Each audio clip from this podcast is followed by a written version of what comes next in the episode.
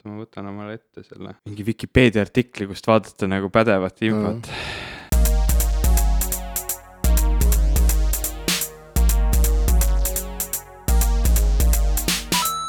tere, minu nimi on Ivo Krustok tere, mina olen Jim Ashilevi. ja te kuulate saadet popkultuuri ristid, Ristid.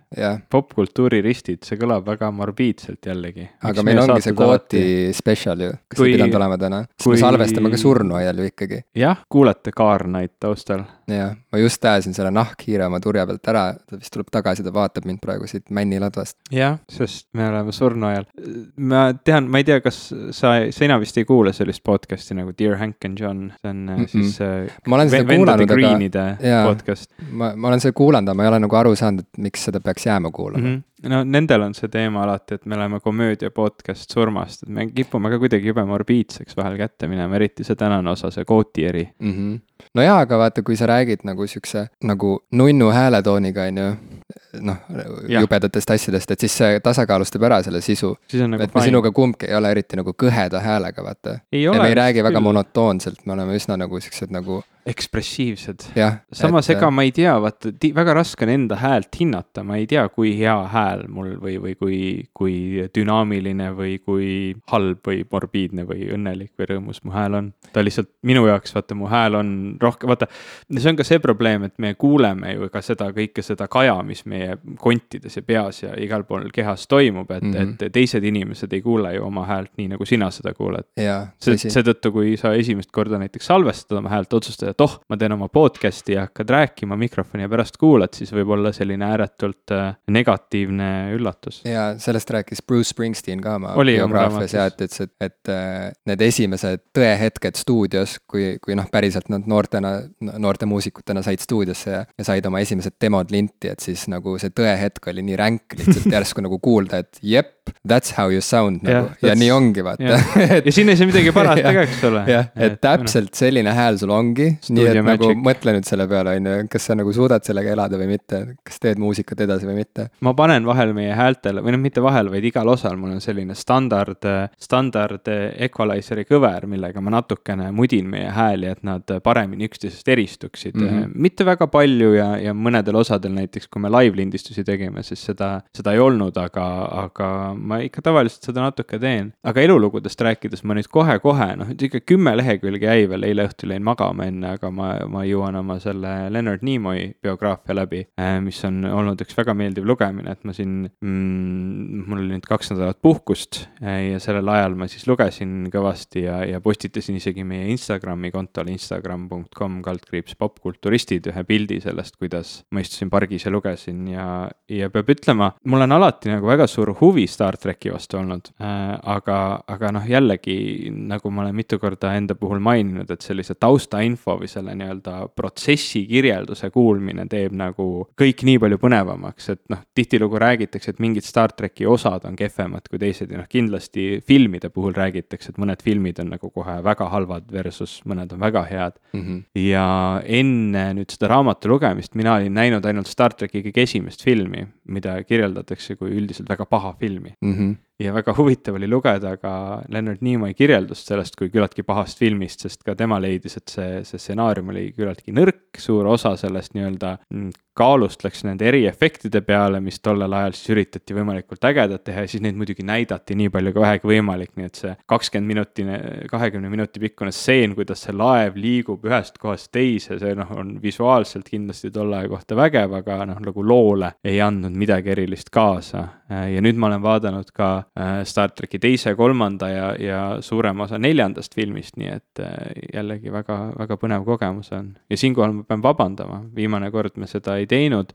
kui me rääkisime Leonard Nimoy raamatust, siis ma kuidagi niimoodi keset vestlust mainisin, et, et Han Solo mängis Star trackis jah. või, või et. selle kohta tuli kohe ka kommentaar ja. mitu, mitu kommentaari mm. -hmm. kohe, et ma nüüd võtan selle aja avalikkuse vabanduseks, et ma tegin seda täiesti kogemata, tähele panemata isegi montaažis, et ma seda tegin ja näete. ma arvan, et nüüd ainus normaalne asi, mida teha, on äh, Facebookis teha küsitlus, et mitu piitsahoopi sulle nüüd nagu oleks õiglane Mm mm. -hmm. ja millise piitsaga, sest mõni piits Jah. on nagu sihuke meeldivam kui teine. jah, ja sa ise muidugi pead piitsutama ennast, nii nagu seal Da Vinci koodi filmis, mida ma ei ole näinud, aga treileris oli üks mees, kes andis piitsa endale, tundus väga dramaatiline. Da Vinci koodi filmis, kas see oli see esimene või, või? Neid on mitu või, ma ei tea, kunagi kui ei, tuli Dan Da Brownil kood- oli minu arust mitu raamatut ja nendest aga- on mitmest film tehtud. jah, üks oli Da Vinci kood. Da Vinci koodi mm. -hmm. filmis oli jah, oli sihuke, sihuke hetk, kus mees kirikus andis endale piitsa ja siis see oli väga nagu sihuke üle võlli dramaatiline, tundus nagu, et vau et oi-oi-oi-oi-oi, kui tõsine film see on või kui tõsi- tõsine tegelane. mm. no vot, ühesõnaga, et, et jah, et sa ei saa juhtida popkultuuri saadet, kui sa teed siukseid vigu. Mm -hmm. Ja sellega me kuulutamegi piitsa. tegelikult välja konkursi uuele popkulturistile saatejuhile, et noh, mind on Ei. ilmselgelt kõrvaldatud. ei, mis kõrvaldatud, ei, ei, lihtsalt nagu särki ei saa kanda mõnda aega, et ilmselt mm -hmm. nagu kuidagi siis tuleb ta tagasi oma pagunit teenida mm. -hmm. mm. -hmm. just, just. nõus. et praegu ma vaatan, sul on sihuke tore Foo Fightersi T-särk seljas, kui sa mulle ukse peale vastu tulid, ma vaatasin, et see on mingi turvafirma särk või midagi, seal on see kotkatiivad ja mõõk nagu ja siis tundus kohe nagu mingi. Gla- Gladius või mingi sihuke mm -hmm. firma on näiteks, vaata, kus on sihuke ma ei ole kuulnud ka siuksest firmast, aga kõlab nagu mm. -hmm. minu arust on siuksed välgunooled ja mõõgad ja kotkatiivad, et tavaliselt see seostub nagu mingi ja, ja veits muu nagu subkultuuriga ja, ja, ja viisnurgad jah, et aga Foo Fighters ma vaatan jah. Aga sa ei olegi meeldib, rääkinud jah. sellest kontserdist, tegelikult see on ju ka nagu, ei ole tõesti jaa see on ka teema. Ma ei tea, see on, kas- see on nüüd juba vana teema, aga, aga räägi, see on nii vana teema, et nüüd on nagu kõik mälestused tuhmunud vist või? okei okay.. või noh, ma ei teagi, And all I got was this lousy t-shirt aga see on väga hea teesärk, see, see, see puuvill on nagu ääretult mõnus. mm.. ma ei taha öelda sulle katsu, sest see kõlab kuidagi. hõõru seda vastu mikrit äkki. proovime, vaatame, mis juhtub. no vot, sihuke hea, hea puuvillane särk, et. kuule, sa võiksid teha oma Youtube'i kanali, kus sa saad vaata. hõõrun asju vastu särki. ei, need, need, need mõnu, mõnuvideod, vaata, ma ei tea, kas sa oled sattunud nende aa, peale. need on need ASMR või kus ASRM näiteks või? räägib näiteks sosinal mikrisse Mhm. mingi maheda, mingi mahedahäälne tüdruk näiteks või, või ma ei, keegi, ma ei ei tea, ole näiteks mingi. mahedahäälne tüdruk. No jaa, aga on saad nagu teha oma üks. kanali, kus sa hõõrud oma ja nagu imemugavat Foo Fightersi puu, puuvillast särki niimoodi vastu seda mikrofoni lihtsalt niimoodi viiskümmend minutit järjest. ja siis saad viiskümmend tuhat vaatamist esimese tunniga kohe ja nagu saad panna reklaame endale sinna raha teenida ja koju jääda ja. viiekümne tuhande vaatamisega ei saa Youtube'is. kui sa saad esimese, mis ma ütlesin, esimese kahe tunniga või, aa, ah, võib-olla nii. siis ju on noh, on täitsa nagu perspektiiv on olemas sellel. arvestatav, see võib olla üks variant, teine variant on ikka, mul on tunne, et me peame oma selle protestiaktsiooni ärifirma plaani ära tegema. Jah. jah, et ma nägin mm. -hmm. esimest nii-öelda kavandit, mille üks fänn meile saatis ja see oli nagu väga hea. jah, aga see ei olnud nagu protestiga seotud otseselt, see oli lihtsalt reklaam. Ei no me võime laieneda, selles suhtes, et see ei, me ei pea ennast, noh, ma arvan, et meil ikkagi võiks olla mingi sihuke kitsas fookus esialgu, aga noh, nagu, nagu me oleme nüüd juba näinud, siis tegelikult meil on seda perspektiivi ka teistel suundadel. Mm -hmm. me paneme selle pildi, mida, mida meile Twitteris saatis äh, selline kasutaja nagu äh, Tõnn Viik äh, või ätt Don Viik, et me paneme selle lingi ka kindlasti saate märkmetesse, et see oli väga, väga kihvt nali. väike Tom, see ei maksa sittagi, jah, mine poodi põhimõtteliselt. põhimõtteliselt ma põhimõtteliselt läksingi. käisid äh, poes? mõtteliselt käisin jah, põhimõtteliselt nagu noh, teoreetiliselt tegelikult nagu noh, mõttes käisin. mul ei olnud raha, mul on näpud põhjas, põhjas, mul ei ole, ma tõin siia veini ja nüüd on ma ei tea, läbi. kuidas ma koju saan, et, no eks et äh, leia, saame, saame su koju, Jim. okei okay. aga mina käisin oled- kinos. mm,. see oli väga, väga meeldiv, ma käin väga harva kinos, me oleme siin ükskord juba rääkinud, kuidas mulle tegelikult väga ei meeldi kinos käia, aga sellegipoolest ma otsustasin, et, et oli sihuke treiler, kui ma viimane kord kinos käisin, nüüd ma enam ei mäleta, mis see eelmine kord oli, aga enne filmi näidati treilerit wow., kus oli mingi sihuke mis kinos see oli? No vot nüüd tegelikult ongi hea küsimus, sellepärast et enamus kordadest praegu näidatakse ju reklaame, mitte treilereid, aga alati on olnud ju läbisegi või ei mulle? ei meeldi see, ma tahan ainult, ainult treilereid näha, anyway mm,. näidati treilerit ja seal taga mängis äh, Beatlesite Because ja siis mul oli kohe, et oo, Beatlesid filmi treileris, väga huvitav, väga huvitav ja siis järsku oli sihuke mingi hull action käis ja mingid täiesti crazy'd koletised ja asjad. ma mõtlesin, et okei okay,, et uh, tell me more ja tuli välja, et selle filmi nimi oli ähm,, ma võtan selle teksti omale ette, et siis ma loen nagu õige hääldusega ja muuga ka. Valerian and the city of a thousand planets see on sihuke, sina ei ole vist sellest filmist kuulnud väga? Ei. ei ole, aga äkki sa oled sellisest koomiksist, prantsuse koomiksist kuulnud nagu Valerian and Laureline, mille on kirjutanud Pierre Christine mm. -mm. see on tegelikult kuskil mingi seitsmekümnendatest vist Prantsusmaa koomiks. mina mm. ei olnud ka kuulnud ever sellisest asjast, aga ma vaatasin seda mm,, vaatasin seda treilerit ja kohe tekkis meeletu huvi ja käisime kinos seda vaatamas ja mulle väga meeldis see film. Äh, see oli sihuke väga action'it täis, minu meelest olid see kogu see maailm, mis oli ehitatud siin ümber, oli väga kihvt, see oli prantsuse film. kas see on fantasy või ulmefilm siis? ta on nagu ühte koma teist, noh pigem on ta nagu ulme, aga ta on selline väga fantasy rikas ulme, et noh, ütleme mm. seda maailma loomist ja kogu selle mütoloogia loomist ja asju on seal küllaltki palju. see on Luc Bessoni film, et kui sa oled okay, sihukest okay. filmi nagu Fifth Element äh, näinud. ja, ja, ei, ja absoluutselt olen, ma olen seda mitu korda näinud, see oli mul VHS-i peal ja ma, see, see oli üks mu nagu lemmikfilme, mida lihtsalt nagu peale panna kunagi, kui ma kodus videomakiga kahekesi elasin. no vot, et siin puhul siis nagu eeldati, see on isegi lause, millest tahaks nagu pikemalt rääkida, kui sa kunagi ka, ma ei pannud, ma olin nii oma mõttes, et lähen nagu oma selle story'ga siin edasi, siis sa ütled järsku vahele, et kui ma kunagi videomakiga kahekesi elasin, tahad sa sellest lähemalt rääkida? Okei. Äh,, igatahes ähm, mm, see siis peaks olema kuidagi selline mõtteline järg sellisele nagu crazy'le maailma ehitus sci-fi'le nagu, nagu see viies element ka natuke oli. et, et selline väga-väga kihvt lugu. Ja tõesti, mulle ta väga meeldis, minu meelest äh, näitlejad tegid täitsa head tööd äh,. siin küll võib-olla oli nendest kahest see Cara Delevingne oli nagu parem kui, kui äh, Dane DeHaan, et kohati mul tekkis küll tunne, et see naistege-, peategelane, see Laureline oleks võib-olla pidanud ol, olema see nimitegelane, et ta tundus kuidagi palju tugevam ja, ja ägedam tegelane, et see, see Valerian ise tundus natukene ebameeldiv läbi kogu filmi. aga siis ma tulin koju ja nagu ma tihti seda teen ja ma isegi ei tea, miks ma seda teen, ma võtsin lahti äh, kriitikute loo, arvamused sellest äh, filmist. Ja nägin, et kriitikutele see film kohe üldse ei meeldinud, öeldi, et näidelda ei osatud üldse, näitlejad olid väga halvasti äh, noh, mm, režissöör oli näitlejaid küllaltki halvasti vist juhendanud, et siis öeldi, et ah, et see look ise ei olegi väga hea. Sihuke inimeste režissöör, et ta on palju parem maailma ja kogu selle visuaali režissöör ja, ja et noh, need kumbki näitleja siis peategelastena ei saanud väga hakkama oma rolliga, et selle tuhande planeetide linnas oli tuhat tuhandeid palju ägedamaid lugusid kui see, mida me selle filmi jooksul kogesime ja nii edasi ja nii edasi, et noh, üldiselt ei jäädud rahule. ja mul on seda tegelikult niimoodi mitu korda juhtunud, et ma lähen mingit filmi vaatama ja ma tulen koju ja pärast loen, et oi, see oli kehv film. ja millegipärast mind väga mõjutavad arvustused, eriti filmide puhul ja, ja vähem ka võib-olla natuke muusika puhul, et muusika puhul ma olen oma arvamuses tugevam, ma tean muusikast küllaltki palju, ma tean, mis mulle meeldib, mis mulle ei meeldi, mida ma otsin, aga filmide puhul noh, ma ei ole nagu kõva sihuke filmi, ma ei tea, kas see on, melomaan on nagu muusikaarmastajaga filmimaan või? ei äh,, movie maan. kinomaan. kinomaan, kinogurmaan filmigurmaan. et ma ei, ma ei käi nagu väga, väga tihti kinos, ma ei vaata väga palju filme ja seal on nagu mu selline enesekindlus. selle kohta on prantsuskeelne sõna, sa rääkisid prantsuse yeah., sa räägid prantsuse režissööri filmist, selle kohta on äh, prantsuskeelne sõna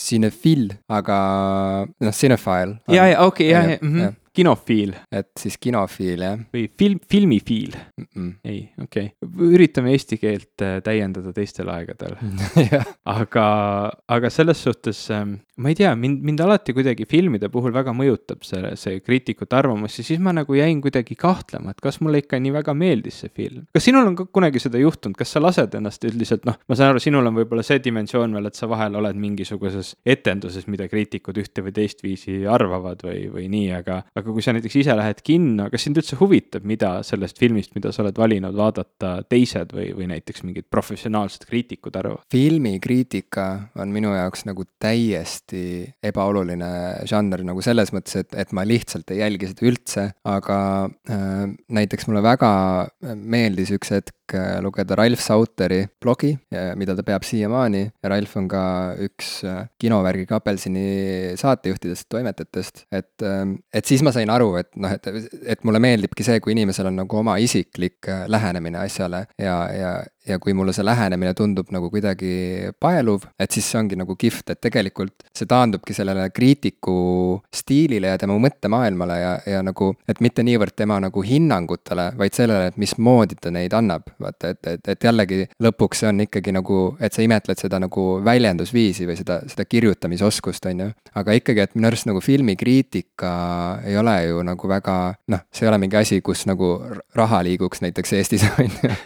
et kõik teevad seda täiesti hobi korras, nii nagu, nagu tehakse ka muusikakriitikat mm. -hmm. et meil mõned nagu teatrikriitikud on, kes nagu midagi sealt nagu saavad, aga noh, samamoodi tegelikult ega sellest ära ei ole võimalik elada nagu kindlasti mitte, et, et kuna lihtsalt teatrivaldkond on selline, et siin nagu kuidagi seda elu on rohkem ja nagu toodetakse rohkem ja võib-olla neid väljaandeid on ka nagu natuke rohkem, kus, kus saab nagu pikemalt niimoodi teatri teemal jahuda, et siis, et seal nagu natsa on nagu rohkem ruumi selle jaoks. või no okei okay,, võib-olla see on sellepärast, et ma tean lihtsalt seda valdkonda natsa rohkem, siis ma arvan, et see on mm. nii, et võib-olla see on üsna võrdne tegelikult, et filmis, filmikriitikas, muusikakriitikas, ütleme kunstikriitikas ja teatrikriitikas on umbes sama palju nagu või tegelikult umbes sama vähe raha. aga noh, see on oletus, on ju, et see, siit ei ole nagu kuskilt kinni hakata, see on lihtsalt oletus. aga filmikriitika, minu filmikriitika nagu selle lünga või selle tühimiku tegelikult ikkagi täidab äh, Bret Easton Ellis podcast, sest et see on ikkagi, äh, Ellis on selle ise tituleerinud selliseks filmipõhiseks podcast'iks kuigi ta ise läheneb sellele teemale nagu kirjaniku positsioonilt, on ju, ja aga, aga ikkagi, et noh, et vahet ei ole, et ta nagu hästi palju, noh, ma olen väga palju nagu saanud, ta on pakkunud mulle mingi sissevaate või mingi sihukese nagu sissejuhatuse tegelikult Hollywoodi filmikultuuri mm, -hmm. selle ajaloole, sellele, kuidas nagu autorikino tõusis ja langes, kuidas äh, Marvel ja DC äh, võtsid nagu filmitööstuse üle põhimõtteliselt, on ju. Äh, see on see, mis praegugi toimub, et, et kõik see on nagu jube huvitav olnud nagu jälgida tegelikult tegelikult, et ongi sihuke nagu üldkultuuriline, sihuke äh, üldkultuurilised siuksed nagu järeltunnid minu jaoks või mm. midagi sellist. et see filmikriitika ei ole mind kunagi nagu selles mõttes mõjutanud, et ma kuidagi arvaks mingist filmist halvemini või paremini mingisuguse arvustuse pärast. aga see ongi jällegi puhtalt sellepärast, et ma lihtsalt ei jälgi seda nii, nii pühendunult, et see on noh, hästi kihvt on olnud kuulata, kuidas Ellis räägib näiteks ühest äh, Ameerika sellisest kultuslikumast filmikriitikust ja mõjukamast filmikriitikust Pauline Kaelist, kes mm -hmm. äh, noh, kellest nagu räägivadki nagu Ameerika mingid põhirežissöörid veel nagu tagantjärele mingeid legende ja kes nagu räägivad seda, et kuidas tema kirjutised nagu, ma ei tea, nagu muutsid nende arusaama filmikunstist kui sellisest ja noh, Tarantino näiteks on üks nendest, kes on nagu rõhutanud Pauline Kaeli nagu olulisust ja, ja Ellis ise ja, ja et neid, neid inimesi on nagu mitmeid erinevaid näitlejaid ja ja, ja lavastajaid, kes on temast olnud tohutult mõjutatud, et ta oligi sihuke mõjuvõimas isik. et ma ei kujuta ette nagu, et noh, Eestis oli Jaan Ruus näiteks äh, filmikriitikuna selline nagu äh, filmikriitika isa mõnes mõttes või ta oli nagu sihuke nagu, tema oligi see filmikriitik suure F-iga siis on ju, et äh, aga noh, see oli ka rohkem nagu sihuke sümbolväärtus või noh, ma ei kujuta ette, kas ta nagu päriselt omas mingit sellist mõjusfääri, et inimesed nagu kuidagi, ma ei tea, joondusid tema järgi või et, et ega, et, et ta oleks loonud mingi koolkonna või midagi sellist, et ma ei tea, tea, vaata, et see, aga muidu üleüldiselt jaa, ma olen nagu, ma olen liiga mõjutatav tegelikult erinevatest arvamustest ja seisukohtadest. ja see on üks mu nagu eluülesandeid ongi nagu kuidagi nagu harjutada ja kultiveerida sellist nagu iseseisvat mõtlemist et, et, et sellepärast ma näiteks ei loe muusikakriitikat, ma nagu väldin seda, sest et vaat selle puhul sa ütlesid, et sa tunned muusikat nii hästi, et sa nagu ei tunne ennast nagu kõigutatavana kuidagi või noh, sa tead ise nagu mida, kuidas vastu võtta, kuidas reageerida. et mul just muusika puhul on see, see, et, et, et kui ma juhtun lugema mingit arvustust, lihtsalt jääb silma ja näiteks mainitakse nagu üksikasjalikult mingeid konkreetseid lugusid, et seal näiteks see teema nagu mingi ei kanna eriti hästi või et seal mingi see käik oli nagu mingi imelik, siis mul jääb see nagu meelde liiga pikaks ajaks, nii et isegi kui ma nagu üritan seda unustada mm, -hmm. ma ikkagi kuulan seda, seda albumit niimoodi, et mul kogu aeg tuleb see meelde yeah.. ja sellepärast ma nagu olen lõpetanud äh, muusikaarvustuste lugemise, lihtsalt vahetevahel, kui ma näen, et mõni inimene, kelle, kelle nagu nagu mõtted on mulle huvitavad, et kui tema kirjutab, siis ma lihtsalt nagu tema pärast loen seda ja noh, hea on, kui see on mingi album, mis nagu, eh, et ta ei saa seda nagu ära rikkuda mu jaoks, noh näiteks ma ei tea, kui Tõnis Kahu kirjutas Metallica viimasest albumist mm, -hmm. mis selle pealkiri oli äh,, mitte Death Magnetic vist, see oli vist üle-eelmine, vaid see oli, see oli nüüd see. hili- või ütleme, see uuem variant, mul ei tule ka selle nimi kohe nüüd niimoodi meelde äh,, aga ma guugeldan Nendel jah ju alati, ma ei ole üldse neid nagu neid uuemaid asju neil väga järgi rääkinud, siis ongi väga, väga keeruline. Hardwired to self-destruct. no vot, hardwired to self-destruct, ma ei tea, miks ma seda järele ütlesin, kui, kui ma ei suuda.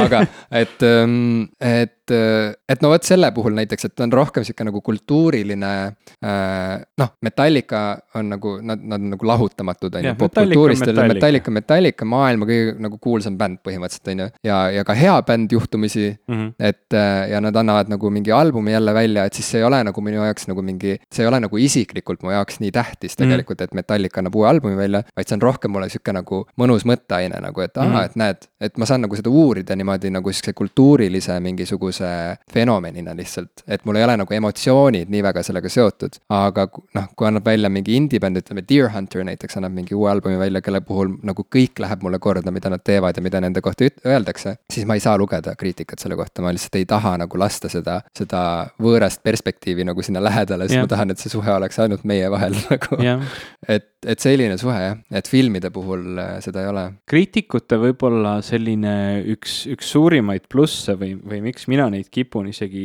äh, võib-olla liiga tihti lugema, on see, et nad annavad äh, sõnad ja mõisted ja, ja mõtte juurde sellistele asjadele, millest mina aru ei saa. noh, eriti jällegi filmi puhul, muusika puhul ma, ma nagu vähemalt ise tunnen, et ma, ma oskan jälgida teatud asju ja on mingeid asju, mida ma ei oska jälgida ja siin mind kriitika ei aita, siin aitaks mind, ma ei tea, otsakooli lõpetamine, eks ole, et kui ma nagu tõesti väga tehniliselt puhtalt suudaks äh, nüüd muusikat jälgida, et siis noh, mul, mul oleks nüüd juba vaja nagu mingit tõsist muusikakraadi, et ma oskaks hinnata mingisuguseid harmooniaid, mingisuguseid lahendusi, mida on tehtud äh, siin-seal, eks ole, mingite polürütmidega või mida iganes, et noh, need, need asjad nagu jäävad täna veel minust väga kaugele, aga noh, jällegi see ei ole see, mida ma otseselt muusikast otsin ja, ja kui see on, siis see on pigem selline tunnetuslik, et aa, mulle meeldib, kui muusikas kasutatakse polürütme. aga filmide puhul ma ei ole tehniliselt tugev äh, ja, ja siis on nagu väga huvitav kuulata, kuidas näiteks võetakse üks film tükkideks, võetakse vaata nii, et siin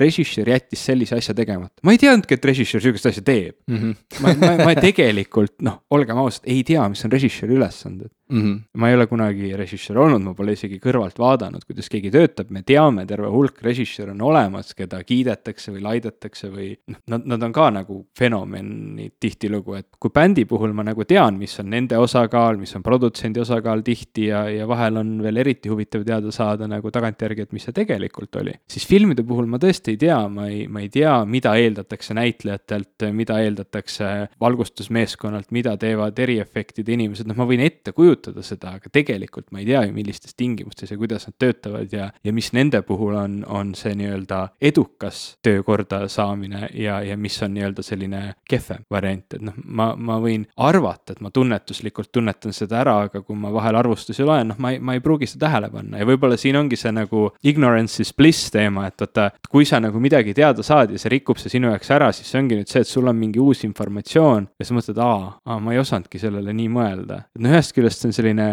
õpetav variant, aga kui ma just nüüd seda viimast äh, Valeriani filmi äh, vaadanuna koju tulin, siis ma otsisin arvustusi nii kaua, kuni ma leidsin kellegi, kes arvas nagu mina mm. -hmm. see oli nagu kõige huvitavam selle käitumise juures, et ma justkui arvasin, et ma pean valideerima oma arvamuse pärast seda mm, -hmm. seda kriitikat mm. -hmm. et noh, justkui kõik teised ütlesid mulle, et ei, sulle ei peaks see film meeldima, et see ei ole hea film mm. -hmm. et siis ma nagu otsisin, kuni keegi teine arvas ka, et et jah, see nagu on ikkagi väärt vaatamist. see on, äh, see on nii hea teema üleüldse, see oma seisukoha valideerimine või oma maitse-eelistustele mingisuguse nagu toetuse leidmine, et, et miks seda on vaja, et see on ikkagi, see taandub jälle sellele kuuluvustundele või noh, sa ei taha olla nagu outsider, on ju, tegelikult nagu, et esmane refleks pole nagu kõigil ju see, et nagu, et tahan olla nagu kõigist erinev ja nagu tahan olla see, seetõttu nagu hüljatud või kuidagi see, see veidrik, on ju.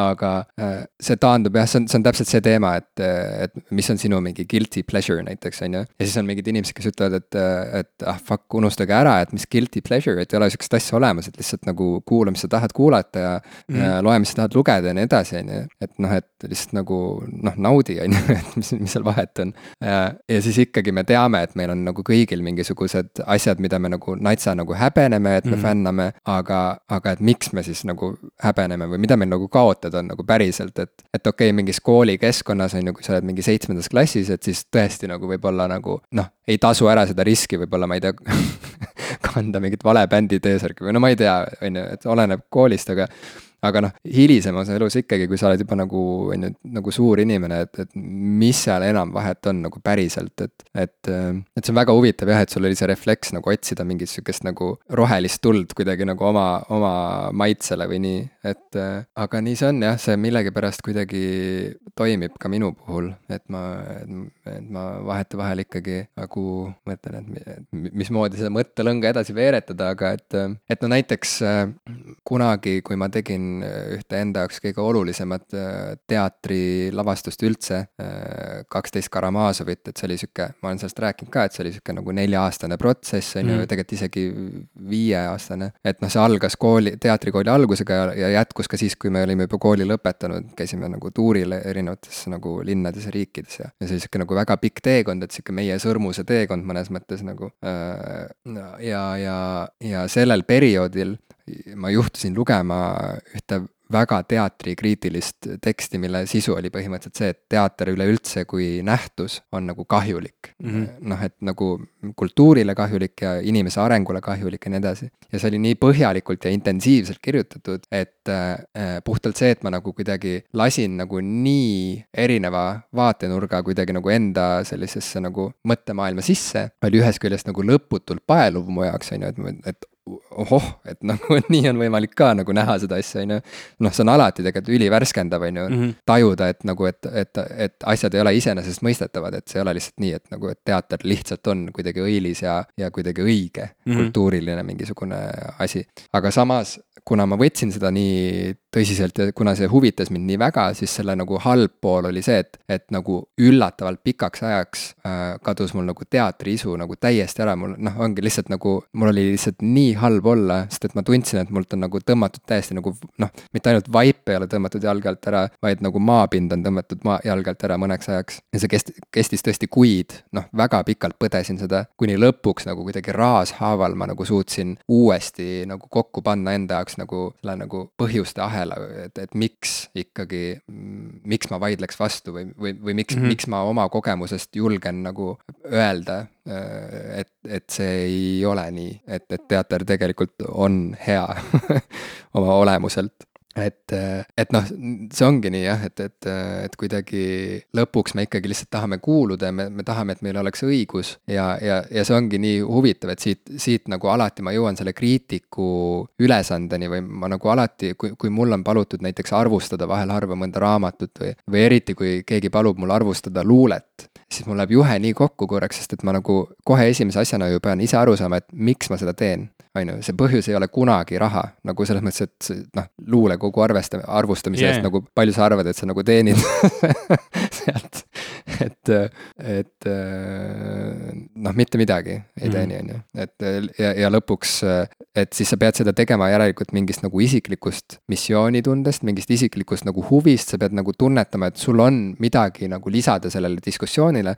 või kui tegu on näiteks mingi luulekoguga, millest ei ole varem üldse räägitud, sul peab olema nagu see see, see nagu tohutu nagu kuidagi äratundmine, et me peame rääkima sellest või kuidagi, et ma tahan, et see nagu, et see, see, ma tahan algatada seda diskussiooni, ma tahan, et inimesed teaksid, et sihuke asi on olemas praegu ja ma tahan, et nad nagu pööraksid tähelepanu sellele, on ju. okei okay,, see on see promo pool siis, on ju, see on mõnes mõttes lihtne, on ju, kui sa tahad midagi promoda lihtsalt. et kui sa usud millessegi äh, ja, ja tahad lihtsalt, et rohkemad inimesed nagu teaksid, et sihuke asi on olemas. aga see teine nagu variant, et kui sa näiteks, kui su suhe sellesse asjasse on nagu problemaatiline, on ju, siis mida sa nagu tegelikult teed, mis, mis see sinu roll on, et, et kas päriselt on vaja, et sina nagu hakkaksid nagu lammutama seda asja, et kas see on vajalik päriselt nagu, et, et muidugi on, tulevad siin mängu nagu oma sihuke edevus ja ego ja vahel lihtsalt ongi äge nagu plähmerdada, vaata lihtsalt ongi äge nagu noh, kõvatada, on ju, et sa lihtsalt nagu avalikult lihtsalt nagu teed midagi nagu hästi efektselt maha kuidagi ja selle, selle käigus lihtsalt nagu kuidagi äh, noh, lihtsalt eputad tegelikult, põhimõtteliselt lihtsalt nagu tuusad, on ju. tuled, teed ära, siis on mic drop. jah, mic drop ja, mm -hmm. ja kõik on ju ja lahkud, on ju, et, äh, et harilikult ma nagu ei tunne vajadust selliseid asju teha. ja siis ikkagi, et mis see järgmine põhjus siis on, et, et kas ma siis nagu, kas minu roll on siis nagu seletada inimestele lahti, mida see asi siis tegelikult tähendas või, ja siis ma satun nagu eriti segadusse, sest et et mul tekibki nagu see küsimus, et ja ükskõik, kas see on nagu mingi luulekogu või see on mingi film, on ju, vahet ei ole. noh, mingi asi, mida palutakse arvustada, siis ma nagu kohe mõtlen, et, et kellele seda vaja on, nagu kas ma päriselt tunnetan praegu, et ma ma nagu, et mul on mingid teadmised, mul on mingisugused kaemused ja, ja järeldused, milleni teised ei ole jõudnud. ja nüüd on minu koht praegu nagu jagu, jagada seda vaimuvalgust nagu, et. et see teeb mind nagu väga skeptiliseks alati ja siis ma astungi sammu tagasi ja mõtlen lihtsalt, et nagu ei, ei, ei, et ma ei tunne, et ma nagu peaksin kellelegi seletama midagi lahti, on ju, et, et kes saab aru, see saab, kes ei saa, see ei saa. kellele meeldis, sellele meeldis, kellele mitte, kõik on okei okay,, et ma ei tunne nagu vajadust kuidagi nagu õpetada kedagi midagi, et, äh, et ma mõtlengi, et huvitav, kas nagu kriitiku sihuke, sihuke kuidagi, et kas kriitiku nagu töö eeldustes peab olema kirjas kuidagi see ka, et sul peab olema ikkagi nagu mingi sisemine kihk kuidagi nagu, nagu õpetada inimesi mm -hmm. või, või, või kuidagi nagu juhatada neid mingisuguse tõeni või, et kas kas sa nagu juba eos pead, pead tunnetama, et sina tajud midagi ja näed midagi ja, ja tekid, sinu peas tekivad mingid seosed, mis teiste peas nagu ei saa tekkida ilma sinu abita või et see tundub olla nagu hästi nagu imelik positsioon, millesse ennast seada, aga ometi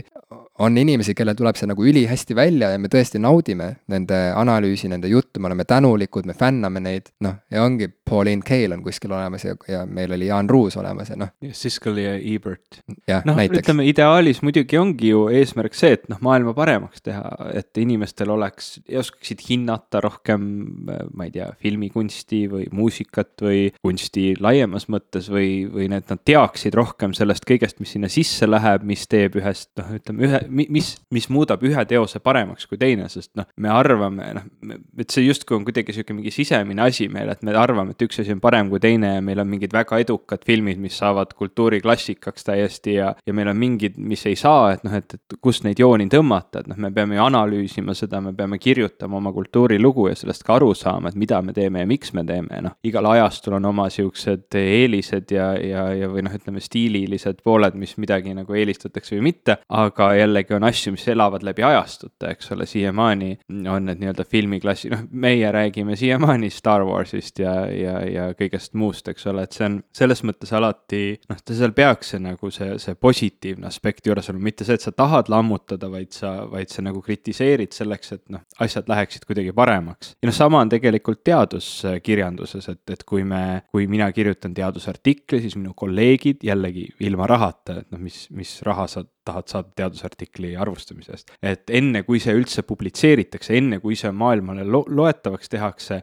peab kõigepealt äh, ajakirja, kus see avaldatakse, toimetaja, noh, need ajakirjad on tänapäeval pigem nagu internetiajakirjad, et see toimetaja peab kõigepealt äh, hindama, kas see üldse on väärt publitseerimist, kas see on, vastab kõikidele nõuetele ja siis see saadetakse laiali inimestele, kes on sinuga sama eriala peal, kes on nii-öelda noh, ütleme ideaalis parimad tegijad sellel alal, kes siis peavad seda lugema ja tõesti lugema niimoodi, et noh, nagu iga väiksemgi asi, kus saaks norida, tuleb välja tuua. see ei ole avalik noh, kriitika nagu, nagu ajaleht kirjutab, ütleme, sina kirjutad raamatu ja nüüd ajalehes kirjutatakse, et noh, su raamat oli suht kehv, vaid see on nagu selline individuaalne protsess, et sina saad siis nüüd tagasi need, ma ei tea, kaks või kolm teadlast teadlast äh, kirjutasid sinu artikli kohta mingi arvustuse ja tõesti, nad läksid nagu nii detaili, nii kriitiliselt kui vähegi saab ja see on hea, see on nagu kogu protsessile me oleme otsustanud, et seda me tahamegi, me tahame, et meie tööd vaadatakse läbi nii peene kammiga kui võimalik. me tahame, et seda kritiseeritakse nii palju kui võimalik selleks, et lõpptulemusena ainult parimad asjad saaksid publitseeritud. sellel kogu protsessil on oma negatiivsed pooled ja noh, ütleme, see ei ole alati lollikindel, aga see on parim protsess, ütleme parima teadmise saamiseks, mis meil tänapäeval on,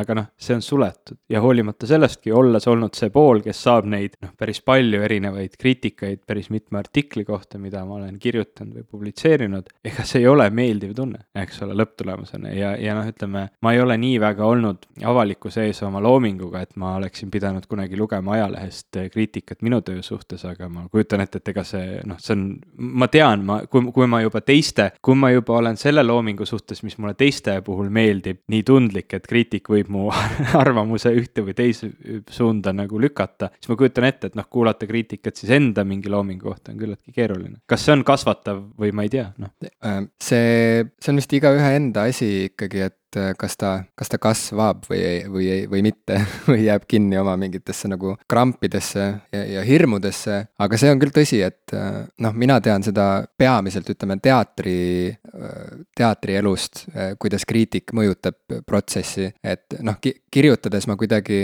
ma ei teagi, et ki, kirjutades on see kõik nagu distantseeritum, sest et, sest ma ei kohtu kriitikuga, aga teatris on alati nii tegelikult, et näitlejad, no tõesti, näitlejad vist ikka suhteliselt alati, peaaegu alati teavad, kui kriitik on saalis mm. ja kes Teeb konkreetselt. ta on siin. ja, ja, ja, ja, ja see on nii nõme tegelikult selles mõttes, et, et siis igal juhul laval olles ma nagu, okei okay,, mitte kogu aeg, aga nagu liiga suure osa ajast tegelikult öö, oma kuklas nagu tean, et ta jälgib ja hindab. ja see on mõnes mõttes nagu noh, etendused, kus, kus näitlejad teavad, et kriitik on saalis, et, et need ei ole kunagi sellised, nagu on, on siis, kui, kui, kui vähemalt näitlejad ei tea, et kriitik on saalis, et selles mõttes tegelikult oleks jube hea, kui kriitikud saaksid kuidagi anonüümselt käia etendusi vaatamas drooniga tulevad kohe. ma ei tea, kuidas on ju, et mingi maskeeruvad, tehakse mingisugune filmi, filmikrimm neile, et ma ei tea, vahetatakse sugu või midagi, et.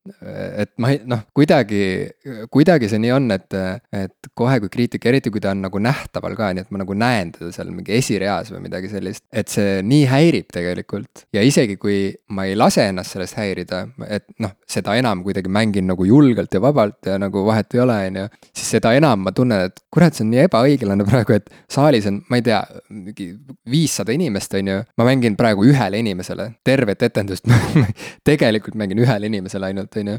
et see on hästi veider, see on hästi-hästi-hästi veider ja, ja tegelikult nagu vale olukord. aga kas siin loll ei saa olla või selles suhtes, kas sa üldse pead teadma, kes on teatrikriitikud või see saab nagu sulle õppimisprotsessi juures nagu ilmtingimata selgeks, mina näiteks ei tea mitte ühtegi teatrikriitikut. ei no see tuleb, see tuleb selle eluga, sa saad selle selgeks, et, et mm -hmm. Sa lõpuks alati ju iga, iga valdkond on mingisugune seltskond -hmm. on ju, selle valdkonna moodustab mingi seltskond ja see seltskond käib omavahel läbi ja, ja, ja lõpuks ongi nii, et need näod korduvad ja sa tegelikult noh, kui sa hakkaksid täna lavastajaks või, või mis iganes teatrikunstnikuks või teatrifotograafiks või midagi, et, et ma arvan, et aastaga sul oleks selge juba, kes on nagu põhinäod. Who's who. ja, ja, ja, et ja noh kriitikutele tekivad mingid hüüdnimed ja ühte, ühte kriitikut. Mr Grumpy Pants. ühte kriitikut kutsutakse kuri beebi näiteks ja mm, -hmm. et, et, et kuri beebi on saalis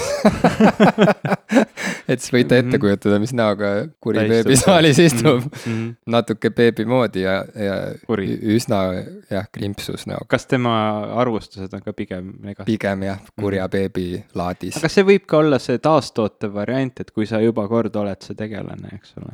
jah, aga teatud mõttes noh, ma ütlen, et ma ikkagi, ma, ma vaatan filmi arvustusi, sest ma mingis mõttes naudin neid, jällegi ma, ma naudin seda, et ma õpin rohkem sellest protsessist teadma. ja, ja hea kriitik tegelikult või ütleme, hea analüütik siinjuures suudab ka välja tuua selliseid aspekte, mis panevad mind seda asja teistmoodi vaatama, mistõttu selle Spocki raamatu lugemine, kuigi ta ka ise oli mõne filmi suhtes väga kriitiline, et kas seal see stsenaarium ikka ei töötanud nii või ta ei tundnud, et see oli õige valik või, või mis iganes. et, et see pani mind nagu vaatama vaatame seda teise pilguga, mõtleme, ahah, okei okay,, siin nad ei saanud teha seda, mis nad tahtsid tegelikult teha, aga noh, lõpptulemusena on see nüüd selline, see on ikkagi nauditav või, või et nad tegid siin selle möönduse sellepärast, et saavutada mingi muu tulemus. et noh, näiteks internetis ma vaatan väga tihti, Nostalgia Critic on selline, selline Youtube'i tegelane, kelle arvustusi ma olen tegelikult aastaid-aastaid juba vaadanud, ta on pigem alguses keskendus vanematele filmidele, nüüd ta on, on nagu rohkem uuemate filmide puhul ka vahel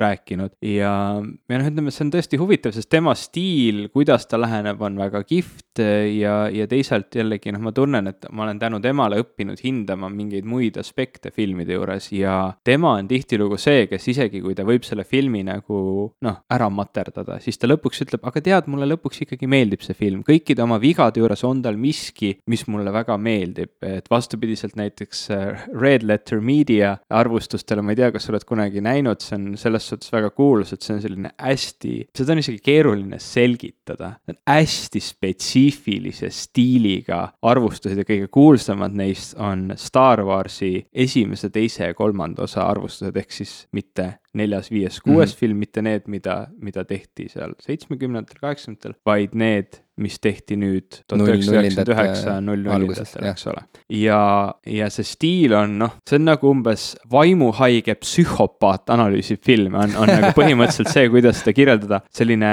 väga hea, Say no more ma juba hakkan vaatama ja kui sa, kui sulle varem meeldisid Star Warsi filmid üks, kaks, kolm, siis see kirurgi noaga analüüs, mida ta teeb, see nagu stseeni haaval selle filmi lahti lõikamine ja nagu igas mõttes läbi materdamine rikub selle filmi sinu jaoks või, või rikub need filmid sinu jaoks ära mm.. et noh, seal nagu ma ei kujuta ette, kuidas sa tuled pärast seda vaatamast välja, et aa, ei noh, jah, ma saan aru tema arvamusest, aga see oli tegelikult täitsa noh, või noh, ma kujutan ette, on palju inimesi, kellele nagu see, see kriitika neid üldse võib-olla ei mõjutagi ja ta vaatabki seda pigem meelelahutuslikult, aga noh, see on nagu nii totaalne selline hävitamine, et, et seda on nagu isegi selles mõttes võib-olla huvitav jälgida, aga noh, ta ei ole kindlasti selline asi, et, et noh, ma ei lähe kunagi seda arvustust vaatamiseks, ma tahaks, et minul film ära rikutakse Mm -hmm. ja Valeriani puhul ka ma ikkagi jäin endale kindlaks, mulle tegelikult see film meeldis ja, ja lõpuks ma leidsin ühe inimese, kes arvustas seda aspektist, et jah, võib-olla tõesti kõik need tegelased ei olnud väga hästi seal välja töötatud, võib-olla need karakterid ei olnud väga meeldivad läbi filmi, võib-olla see keemia ei olnud nagu täiesti õige, aga see film saab olema kultusklassika. See avastatakse uuesti samamoodi nagu Viies element ja, ja selle puhul nähakse seda, mis seal tegelikult hea oli, see, see maailm iseenesest oli väga-väga kihvt mm. -hmm. ja mina siiani siiski soovitaks seda filmi teistele vaadata. ja minule ka Cara näitlemine näiteks absoluutselt ei, ei häirinud mind, täitsa hästi näitles, Mm. hoolimata arvustust. aga mis on näiteks film, mida sa tead, et on äh, nagu,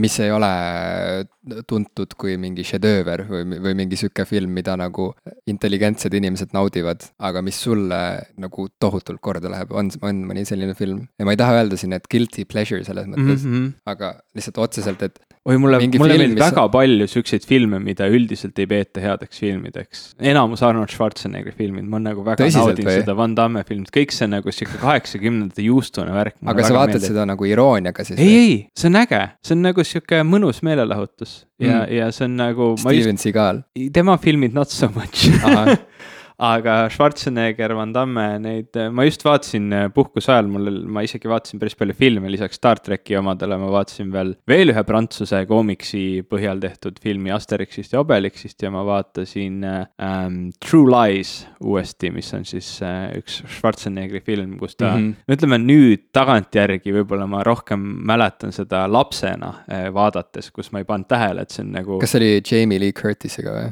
jah, et, et see on nagu. Marsil toimus tegevus. ei, olnud. Jamie Lee ai, see oli Total Recall. jaa, nüüd ma ajan midagi sassi, keegi, seal oli keegi teine, anyway.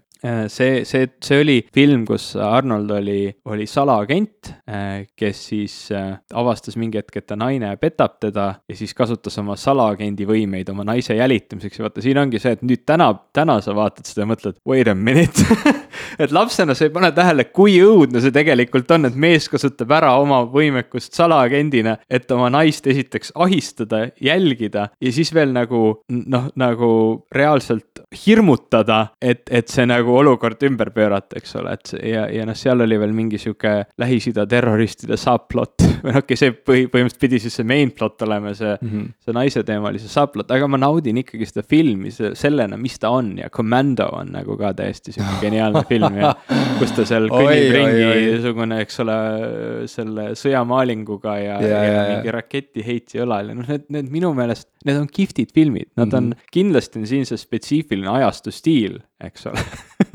Nende puhul me saame rääkida, et ega tänapäeval niimoodi enam väga filme ei tehta või seda nagu väga ei hinnata, aga, aga noh, see on, see on minu arust, see on nagu äge. jaa, ei, kui sa seda, sellest räägid, mul tekib nii soe tunne kohe sisse, ma tunnen. see on jaa, see ongi lapsepõlv, see on nii armas kõik, et seal ei ole mitte midagi halba mitte midagi halba, et nüüd kohe tuleb meelde, kuidas noh, lihtsalt mul seostub see kõik äh, kuidagi Elvaga, et me, et ma Mhm. lapsepõlves veetsin oma suved Elvas ja, ja seal me sõbraga vaatasime Saksa kanalitelt ja, ja VHS-idelt käisime videolaenutuses vahepeal ja võtsime nagu just täpselt selliseid filme ja, ja need kuumad suved, kus oli lõputult aega ja, ja kogu aeg oli midagi teha ja kogu aeg oli nagu tore, et, et see kõik nagu on, noh, see kõik seostub täpselt selle ajaga sihukese nagu idüllilise ajaga, et, et sihuke ülim vägivald ühest küljest ja alati neid filme tuuakse näiteks, vaata, et nagu, et, et noh, et juba sellest ajast peale, kui hakati tegema neid blockbuster, siukseid action filme, et me lihtsalt, miks me, miks me laseme lastel vaadata mingit rämedat tapmist ja inimeste õhku laskmist, aga samas ei tohi näidata noh, naise paljast ülakeha mm -hmm. näiteks või midagi, on ju, et, et, et topeltmoraal ja imelik. ühesõnaga, et, et minu jaoks see kõik nagu sellel ei ole mitte midagi negatiivset, see on ainult nagu, need on pehmed väärtused Need ei tundugi tänapäeva mõistes enam nii vägivaldsed filmid, kui sa näiteks kirjeldad neid stseene, mis meil mõned pikem aeg tagasi juba, kui me rääkisime sellest Walking Dead seeria lõpust, mis mm, -hmm. mis mhm. sind nagu tugevalt mõjutas oh, ja, ja, ja noh, kui me mõtleme sellele, mida tänapäeval vägivallana kujutatakse yeah. tegelikult, noh, see komando sihuke nagu suvalises suunas tulistamine ja tüübid hüppavad paremale-vasakule laiali, noh, seal ei ole nii väga seal ei lenda veri, seal ei ole seda gore'i, seda nagu detailsust, seda nagu tunnet, et see on nagu päris elu, sest need filmid ei tundunud mitte kunagi nagu päris elu mm -hmm.. noh, seal seal oligi nagu see aspekt juures ja noh, tegelikult on väga hästi näha, et see põlvkond, kes sellega üles kasvas, on nüüd nagu maksujõuline, sellepärast et see kaheksakümnendate nostalgia on reaalselt igas filmis nüüd juba ju sees. Tori järgmine film tuleb, oli kohe nagu sihuke väga sihuke eighties yeah. Sheeniga, eks ole oli seal see muusika, olid see, need tekstiefektid, see meie logo on stiliseeritud tegelikult kaheksakümnendate sellise teema järgi mm. -hmm. Ready Player One on varsti kinodes, mille story ma ei ole küll, ma nüüd võtan tegelikult äh, Armada, mis on sellesama kirjaniku, kes kirjutas Ready Player One'i äh, romaani, et ma võtan siis nüüd Armada ette, sest see on mulle kingitud, see mu vend kinkis selle, ma pole seda veel lugenud, aga.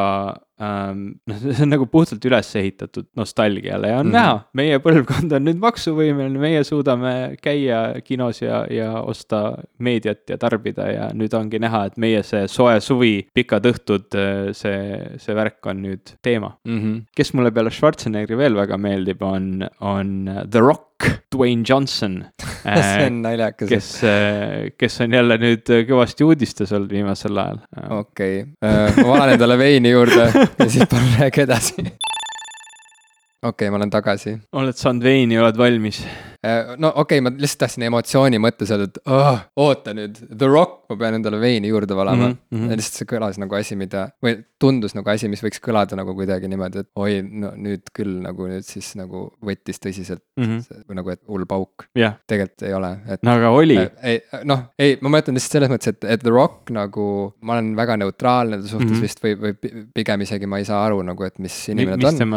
et nagu ma olen, ma olen nagu äh, teistelt inimestelt, kes on show show business'is nagu niisugused kuulsused, mhm. on ju. I have heard from my people. ja mitte minu, mitte nagu my people, vaid lihtsalt kuulsused nagu kaugel okay.. Someone else's people. jah, et nad, et tundub, et The Rock on väga, väga meeldiv inimene mm. -hmm. et ta on kuidagi nagu hea mm, -hmm. kuidagi heasüdamlik ja nagu mingi tore inimene nagu. et see on väga kihvt, on ju, aga ütleme näitlejana ma ei, ma ei ole kindel et et mis see nagu, miks või noh, on ju, aga nüüd palun jõua. minnes meie nostalgiaga edasi, eks ole, The Rock on praegu kinodes Rannavalve remake'is, mis pidi väga halb olema, aga mida ma tahaks väga vaatama minna, aga noh, ma kinno ikka ei lähe, sest ma tunnen, et see võib-olla nagu pole päris seda raha väärt, mida, mida tänapäeval kinopiletid maksavad, nii et ilmselt ma vaatan seda kodus mingisuguse viisi pealt, kas siis läbi Netflixi või, või kuhu iganes ta ka tulevikus ei jõua. aga ma, ma tahaks seda väga näha, sest mulle The Rock nagu näitlejana meeldib, aga mis veel huvitavam äh,, ta tegi äh, nüüd hiljuti koos Apple'iga reklaamikampaania Siri äh,, ma ei mäleta, kas see oli Crushes the day with või sorry, The Rock crushes the day with Siri või, või mis see nagu selline selle reklaami nii-öelda lööklause oli. ja,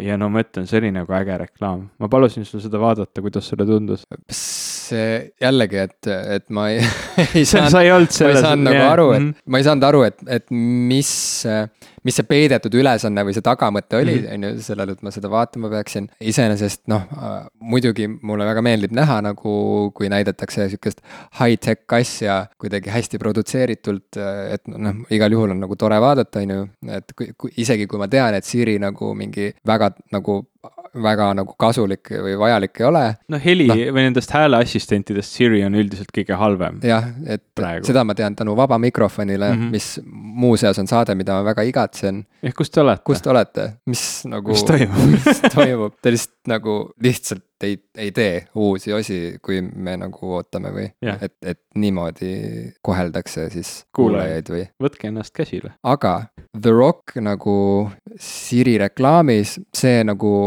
see element sealjuures nagu kuidagi minu jaoks mingit nagu see midagi paremaks ei teinud ei no lihtsalt oleksid sa tahtnud, et Tim Cook näiteks ise käib oma telefoniga ringi ja lendab kosmosesse ja Rooma ja kuhu ta kõik. no, ei noh, ei, no ei, ei okei okay,, vahet, ma ütlen, et see The Rock nagu mul ei ole mingeid nagu ma, ma ei, ma ei arva halvasti temast ka, on ju, ma mm, Mhm. -hmm. ma ei taha teda nagu selles mõttes nagu maha teha, et, et, et ju tal on mingi oma koht ikkagi oma, omas nišis on ju, lihtsalt ma ei ole see sihtgrupp. Mhm. ja, ja kui juba räägitakse, et ta muidu on nagu muhe sell, on ju, siis lahe, on ju, Mhm. väga tore. aga no ma ei ole vist ühtegi nagu mingit filmi etteastet näinud temalt, mis oleks kuidagi mulle meeldinud Mhm. otseselt mm. -hmm. et, et mulle lihtsalt meeldib see, et, et tal vist on ka veits mingisugune sihuke hip-hopi taust või ma ei, tundub, ma ei tea no ma ei no seal isegi- Siri reklaamist oli, oli mingi imelik pilt temast noorusest, kus tal oli sihuke kandiline soeng Mhm. ja mingid adidressid seljas jah, enam-vähem. jah. ühesõnaga, noh jällegi see tegelikult ju ei puutu asjasse et ei, ma mõtlesingi, et kas see on mingi hip-hop, aga ma võib-olla no tal oli siukses hip, nagu kaheksakümnendate hip-hop Mhm. stiilis seal sihuke pilt, aga et, et see, see reklaam pani mind mõtlema üleüldse nagu life goals'ide peale, vot see oli nagu tore, et, et ma ei ole kunagi teinud tegelikult seda nimekirja, ma tean, et see on äh, kuidagi nagu noh, ammu juba olnud väga nagu populaarne asi teha oma mingi bucket list on Mhm. ju, või sihuke asjad, mida ma kindlasti tahan ära teha oma elu jooksul, et enne kui sa jalaga vastu ämbrit lööd. jah, et siis äh, kuna see Siri reklaam oli nagu üles ehitatud selle peale, et, et äh, tänu Sirile äh, suudab sihuke The Rocki taoline tegus inimene oma siuksed elu eesmärgid põhimõtteliselt täita, ma ei tea, mingi ühe Hommikupoolikuga hommikupoolikuga või midagi sellist, on ju enne kui peab filmima minema. sest et Siri on nagu nii abivalmis ja nii, nii tõhus mm, abiline, et, et tõesti nagu teedki kõik ära lihtsalt ühe hommikupoolikuga, mis sa nagu muidu mõtlesid, et teed elu jooksul, on ju. Mhm. Ehm, no et, et see, et lihtsalt mul oli huvitav mõelda, et mis need minu elu eesmärgid siis nagu on. see oli huvitav, aga kõik see muu, et mi, mi, miks siis, miks sa tahtsid, et ma näeksin seda reklaami või miks see nagu oluline oli? ei, mulle lihtsalt meeldis, et see oli nagu sihuke efektne värk, vaata, see, see võttis väga hästi kokku, vaata sellise The Rocki avaliku kuvandi, noh, ma kujutan ette, et tema enda branding tiim või tema enda nii-öelda see, see kirjanike tiim, kes, kes temaga koos töötab, et tema seda kuvandit hoida ja teha, et see tegelikult väga oluliselt oli seotud selle reklaami tegemisega ja, ja see nagu bränd töötas selle, selle mõtte, et kui Apple tahtis öelda, et Siri aitab sul väga palju korda saata, siis The Rock oli nagu hea inimene, keda valida, ta on selline hästi aktiivne inimene, ta, vähemalt temast on loodud selline avalik kuvand, mida ta hoiab, et tema ongi selline väga tegus, tal, ta on hästi, ta on noh, nagu sa rääkisid, ta, tal on kuvand temast on, et ta on meeldiv inimene, ta sobib nagu sellise Apple'i meeldivusega kokku, Apple'i nunnususega. Ja, ja see noh, nagu ütleme, see reklaam oli selles mõttes tehniliselt ägedasti tehtud, et ta noh. nojah, seal oli nii korralik märulifilmi Jah. režissöör oli palgatud selle tegemiseks. näitas Sirit head küljest, näitas The Rocki head kül-, heast küljest, mõlema nii-öelda brändinguga ta sobis kokku, hea reklaam. aga sind pani see kohe mõtlema siis oma elu eesmärkide peale. mm. -hmm. ma hakkasin mõtlema, et kas mul on mingi sihuke nagu oma ämbrinimekiri ja, ja, ja kas sul on siis? Mingil määral on jah, ma ei hakanud seda, ma ei, ma ei pannud seda kirja, aga mõtlesingi, et, et uurin sult, et Ivo, kas, kas sul on ka see nimekiri olemas iseenesest? kusjuures see on sa mõelnud selle peale? see on nüüd selline lahe hetk, et üks, kui ma vahel olen nagu tagantjärele läinud, et kuulata meie kõige esimest saadet, Mm -hmm. siis üks asi, mis mind ääretult, ääretult häirib, on see, et me alustame seda vestlust niimoodi, et justkui sina suunad selle vestluse minu peale, et noh, et, et Ivo, räägi siis oma podcast idest ja siis mina ütlen mingi ääretult totaka lause, et jah, et ma siis alustangi nii, et kuule, Jim, et räägi, mis sinul on, ma tundsin, et praegu just toimus sarnane asi ah. vastupidi, et mina küsin, anyway et, et ma peaaegu sain aru, mis sa mõtlesid. kas mul on life goal'id, et see oli halb üleminek, sa tahtsid seda öelda? ei noh, see oli nagu sihuke, et ma nagu juhtisin teemat sinna, et sina alustad oma, oma listiga ja siis sina võtsid teema üle ja sa suunasid selle tagasi mulle. aga ma seda tegin hästi nagu teadlikult praegu jah. väga hea ma, ei tea, miks. mina seda esimeses osas ei teinud teadlikult, see oli Mm. lihtsalt viga ja seetõttu ongi seda nüüd selline tüütu kuulata. Kuulata mm., ma vahel lähen tagasi osades, et kuulata seda, et milline meie sound või, või ütleme, produktsioon sound, oli siis. vot see on nagu kõva,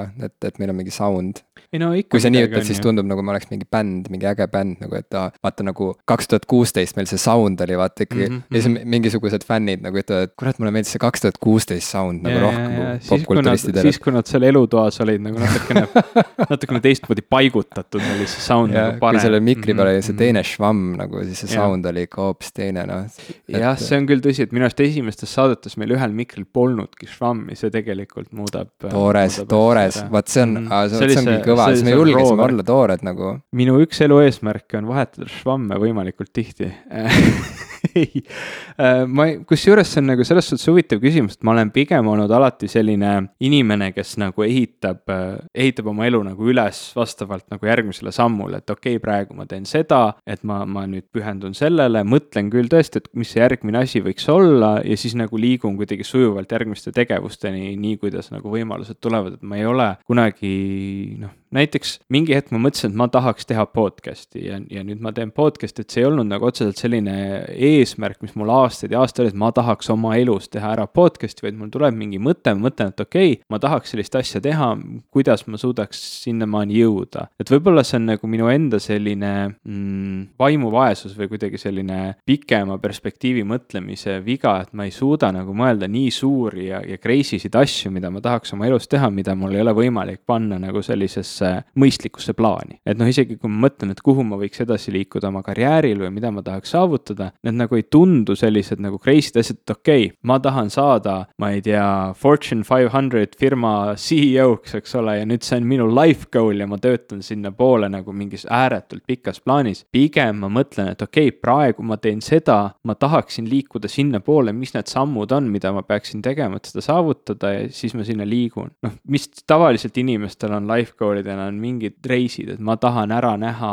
ähm, Hiina müüri. kunagi oli selline sari nagu ähm, An Idiot Abroad. aa, ma nii lootsin, et sa mainid just ja, seda. mille ja, üks, üks hooaeg, ma ei mäleta, kas see oli esimene või teine hooaeg oli, et, äh, et bucket list, et need on ja, need kohad, kuhu oli kogu hooaeg üles ehitatud, ja. ja no ma vaatasin seda sarja ja mõtlesin, et Carl Pilkington, ma saan sinust aru ma, nagu, ma, ma, ma olen pigem seda tüüpi inimene, kes nagu tõesti noh, et mulle, mulle nagu põhimõtteliselt meeldib reisida, mulle meeldib nagu käia maailmas ringi, aga kogeda pigem nagu sellist üldist noh, kultuuri, seda, mida mm. inimesed seal mõtlevad, mida nad teevad, mida nad söövad, kui seda, et ma tahan mingisse kohta minna mm., mul, mul ei ole nagu seda, noh jah, okei okay,, on siin küll see Hiina müür, aga noh, nagu ta ütles, et meil on, see meenutab mulle, et meil on pikemaid maanteid Inglismaal, eks yeah. ole, et noh, see doesn't seem so great to me, eks ole yeah., et pool sellest on tänapäeval ümber ehitatud. jaa, ma ütlen, et see Carl Pilkington kui selline igamees yeah., et ta on lihtsalt nagu ma ma arvan, ma arvan, et ta on nagu mu kõige lemmikum sihuke,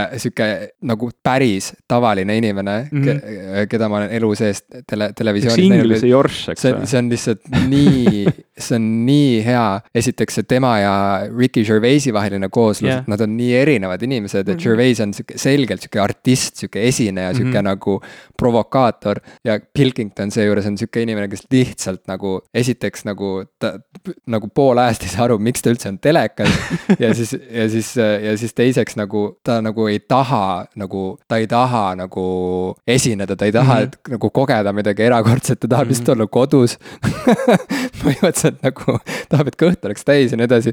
ja siis panna sihuke inimene sellistesse ekstreemsetesse olukordadesse või panna teda nagu sihukeseks nagu rännu, noh, rännumehe kingadesse yeah, kuidagi yeah. sunniviisiliselt ja nagu, et see on lihtsalt imeline, ma lihtsalt mainin ära, et Carl Pilkington lihtsalt nagu noh, jumaldan teda ma tahaks, ma tahaks siinjuures uskuda neid lugusid, et see, see ei ole nagu script itud, et see, sellest ei ole nagu paika pandud stsenaarium, et te peate nii käituma või et need karakterid ei ole loodud, noh, Gervais, noh, Gervaisi nii... puhul kunagi ei tea seda piiri, et ja. millal Gervais, noh, see ei olegi nii oluline, Gervaisi puhul, kas ta nüüd on päris või, või, või ta on mingi kuvand endast, aga ja. Pilkingtoni puhul ma lihtsalt tahaks uskuda, et ta lihtsalt ongi selline, selline. kui, kui ta on näitleja, siis ta on nagu kõige geniaalsem näitleja mm. teleajaloos või noh, et see lihtsalt ta on nii päris, et, et seda, mulle tundub, et seda sa ei saa nagu, kuidas sa ehitad sellist karakterit üles nagu mitu hooaega järjest ja lihtsalt olla, noh, kuigi, kuigi Pilkington mängis ju Gervaisi seriaalis ka, on ju, mis toimus seal vanadekodus, eks ole. noh, et võib-olla lihtsalt ta on kuidagi protsessi käigus nagu harjunud kaameratega, mhm. on ju, aga mulle ta, ta ikkagi tundub olevat nagu päriselt see inimene mm., kes ta seal reisisarjas on. ühesõnaga sihuke kõrvalekalle praegu yeah. sealt teelt. no ja reisid Jätka. on sihuke tüüpiline asi, kuhu inimesed, need on sellised umbmäärasemad asjad, et kui sul nagu ei ole kindlat plaani, noh, mul, ma tahaks sõita maailma ägedamatel raudteedel, ma tahaks sõita Siberi raudteel, ma tahaks sõita Aafrikas mingeid pikki raudteeretki, võib-olla Vietnamis mööda kallast ülespoole, noh, need nagu kõik tunduvad nagu ääretult ägedad asjad, aga mul ei ole mingit kindlat plaani selleks, mul ei ole mingit kindlat eesmärki sinna nagu otseselt jõudagi, noh, Venemaal takistaks mind see, ma võiksin vene keelt väga hästi osata või ma peaksin siis olema grupis inimestega, kes seda oskavad, see on küllaltki noh, keeruline ja, ja pikk reis, mida teha, seal peaks mingid nagu mõte sees olema, et miks ma seda teen ja kuidas, aga noh, need on lihtsalt siuksed umbmäärased asjad, ma mõtlen, et ma võib-olla kunagi tahaks neid teha, kas see on nüüd sihuke goal mu elus, kuhu ma nagu püüdlen, noh, ma tahaks saada asjades, mida ma teen paremaks, see on selline iteratiivne protsess, ma tahan paremini podcast'i teha, ma tahan paremini pildistada, ma tahan parem inimene olla, eks mm -hmm. ole, et noh, need on nagu, kas need, need ei ole ju life goal'id või? no ikka on no, äh,, et muidugi, see ei peagi olema ju see, et tahan hüpata, ma ei tea, Empire State, State Building'u otsast bench'it või, et, et see ei pea olema nagu mingi sihuke üks akt või mingisugune mm -hmm. üks asi. et see võib, see võib nagu olla ka pro nagu protsess, no ta tihtipeale on jah, et jah, et ongi, lähen üksi ümber maailma reisile näiteks on ju mm, -hmm. et aga noh. olen kuu aega Indias. aga eks igaüks ju, igalühel on vabadus nagu ise sättida oma seda ämbrit mm. -hmm. mida ta lööb yeah. üks päev, nagu yeah. me kõik. et um.... mis sinu, sinu ämbrilistis on? no vot, et kuna praegu, praegu nüüd mõtlen selle peale niimoodi laivis seis, on ju, et ma ei ole seda, see ei ole ette valmistatud, et siis äh, ilmselt see nimekiri äh, ei saa olema praegu ammendav. Aga esimesena meenub, et ikkagi endiselt ma väga tahaks õppida prantsuse keel, ma tahaks osata prantsuse keelt mm., tahaks jõuda sinna punkti. sa tahad nagu, osata prantsuse keelt, sa otseselt ei taha õppida või? see õppimisosa jah, nagu see on, sellega on veidi kehvasti, et see nagu vajus soiku ja ma süüdistan selles autokooli ja võib-olla. aa, ma tahaks üks päev autojuhi lube saada okei et, et ongi see, et ma tahan lube saada ja ma olen sellele väga lähedal kusjuures, aga ma ei yeah. taha midagi ära sõnuda mm -hmm.. ühesõnaga kümme aastat autokooli on võib-olla lõpuks kandmas vilja. me oleme väga uhked sinu üle. oota, oota, oota sellega ära, ära, ära veel nagu, ma muidu ma teen järgmised kümme aastat veel nagu juba tunnen, et nüüd on see loorberid nagu mm, -hmm. et ma saan nüüd heita loorberit. juba visatakse lillega. et äh, et jah, kui autojuhiload saavad tehtud, siis see kindlasti on asi äh,. ma tahaks osata prantsuse keelt ja ma tahaks elada Prantsusmaal mõnda aega mm. -hmm. kas mingis spetsiifilises on... piirkonnas või Pariisis? ei, ma isegi ei oska öelda, sest et ma olen natuke äh, nagu kuulnud erinevate piirkondade kohta ja lugenud mm -hmm. erinevate piirkondade kohta. et tegelikult ma ei ole isegi nii selles Pariisis kinni tingimata mm -hmm. ja ma olen ku-, noh, kohtunud inimestega, kes on, ma ei tea, mingi maapiirkonnast pärit ja et Prantsusmaa on ka nii kirev ja, ja mitmekesine, et tegelikult Prantsusmaa äh, Prantsuse kultuur nagu üldiselt mm -hmm. on ligitõmbav mu jaoks ja, ja, ja ma tunnen, et ma võiksin seal kuidagi avastada endas mingisuguse uue, uue külje või mingisuguse uue jah, dimensiooni võib-olla või oma mõtlemises ja kuidagi elutunnetuses. Kui ma Pariisis käisin, oli mul väga Pilkingtoni hetk ja mulle üldse ei meeldinud seal, aga ma olen avatud nüüd, nüüd aastaid pärast sellest, seda, ma olen avatud sellele muutusele, et äkki ma, noh, ilmselt võib-olla, kui hästi läheb, ma üks hetk veel käin Pariisis ja võib-olla mulle siis väga meeldib. aga mis, mis sind seal, mis nagu hõõrus või? mulle ei meeldinud kuidagi see linn üldse, ma, minul ei tekkinud seda linn. tunnet, jah, see, see linn tol hetkel nagu see, see klasside vahe, mida ma tunnetasin seal või nägin seal enda ümber, see oli, see oli kuidagi väga tol hetkel mõjutav ja, ja ma lihtsalt kuidagi, kuidagi üldse ei samastunud selle linnaga tol mm. hetkel. ma ei tea mm., miks, võib-olla ma ütlen, ma olen täna, tänaseks hetkeks juba avatud väga, et see muutub mm. -hmm. jah, no kui mina seal korraks käisin, siis ma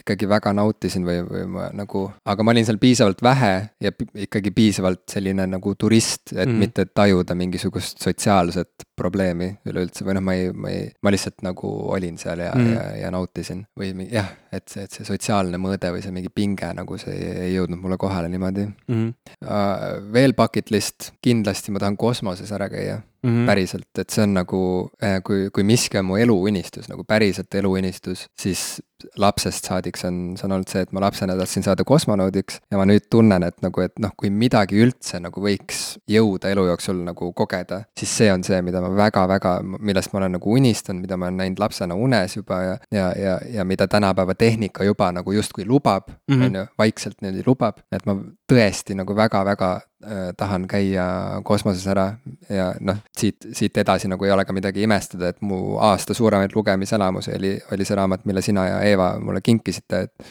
äh, An astronaut's guide to uh, life on earth. ja kui see sind nagu meeletult ärevaks ei muutnud kosmoses reisimise suhtes, siis on fine, siis sa võid minna ei, pigem, pigem äh, ma irvitasin jah, nende ekstreemsete mm, -hmm. ekstreemolukordade kirjelduste üle ja mitte, mitte kuidagi nagu üleolevalt või, või kuidagi niimoodi, et mm, -hmm. et, et. saanud ma, ma, ma üldse ei põeks, et see kõik tunduski nagu kohutavalt äh, ärevust tekitava ja pingelisena ja nagu õudsena mm. -hmm. aga no ikkagi lõpuks nagu kõik see imeline, mida ta kirjeldab, kaalus, kaalus ikkagi üle, üles äh, selle, selle halva, et ikkagi see perspektiivi äh, laienemine või, või, või see, või see sügavuse äh, suurenemine äh,. ma arvan, et see on midagi, midagi sellist, mida ma ei suuda ette ka kujutada, noh, kuidagi Hatfield kirjeldab lihtsalt seda, et, et kogu elu tunnetus või, või, või nagu suhe ellu ja, ja, ja planeeti Maa mm -hmm. noh, lihtsalt muutub, kui sa nagu näed seda kõike tervikuna järsku ja niimoodi eemalt ja sa tõesti nagu noh, päriselt näed, et see kõik, et, et me kõik oleme nagu, et me kõik noh, sihuke sentimentaalne jutt mm, -hmm. aga me kõik oleme koos nagu selle väikse imeliku sinise planeedi peal mm. -hmm. ja see kõik on nii nagu habras ja see kõik on nii nagu terviklik, et me oleme noh, et ühesõnaga need eraldusjooned, mida me tajume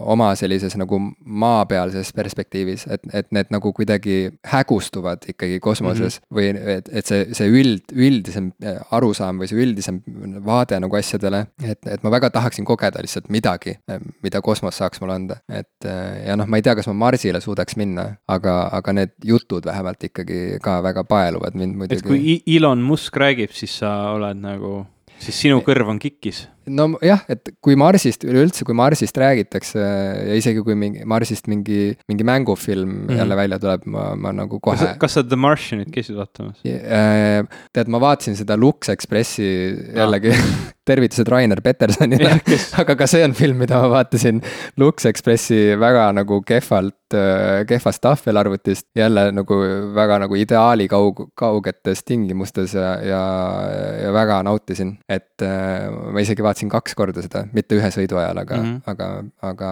see audioraamat Audible'is, ma tean, et sul vist on ka see konto või oli vähemalt. mul on endiselt jah, ja ma olen kuulnud jah, et see raamat ise on isegi, et noh, okei okay,, vaata näiteks The Martian, ma ei maininud, et mm -hmm. mis on minu sihuke nagu üldiselt nagu halva maitse piiril nagu olevaks filmiks peetav mingi asi, mis mulle meeldib, siis The Martian näiteks on. aga seda sellest. ju ei peetud halva maitse piiril, seda peeti nagu väga heaks filmiks üldiselt. no aga jällegi. võib-olla see on minu mingi prisma. keda kuulata, aga, aga, aga et, äh, ma pigem olen kuulnud, et, et see raamat nagu on, on nagu kõrgematasemelisem, mida iganes see ei peaks ka tähendama. oleneb, mida nagu sind huvitab, minu, minu jaoks on see raamat nagu täielik porn, porno selles suhtes, et ta on nagu sihuke engineer porn, sa istud ja kuulad, kuidas tüüp nagu lehekülgede viisi kirjutab sellest, kuidas ta midagi välja arvutas mm. -hmm. nii, mul on seitsekümmend paari seda, kasutan nendest iga päev nii palju, minule jääb neid täpselt nii, see, see on nagu kirjeldatakse, kuidas mingeid asju välja arvutatakse, kuidas mingid analüüsiprotsessid käivad ja minule, noh, ma naudin seda mm. -hmm. aga kui sina võib-olla ei viitsi kuulata seda, kuidas keegi arvutab, siis see film on kindlasti parem. ühte neist kahest ma soovitan küll kosmosehuvilistel inimestel vaadata või kuulata või lugeda, sest noh, see tõesti on äge.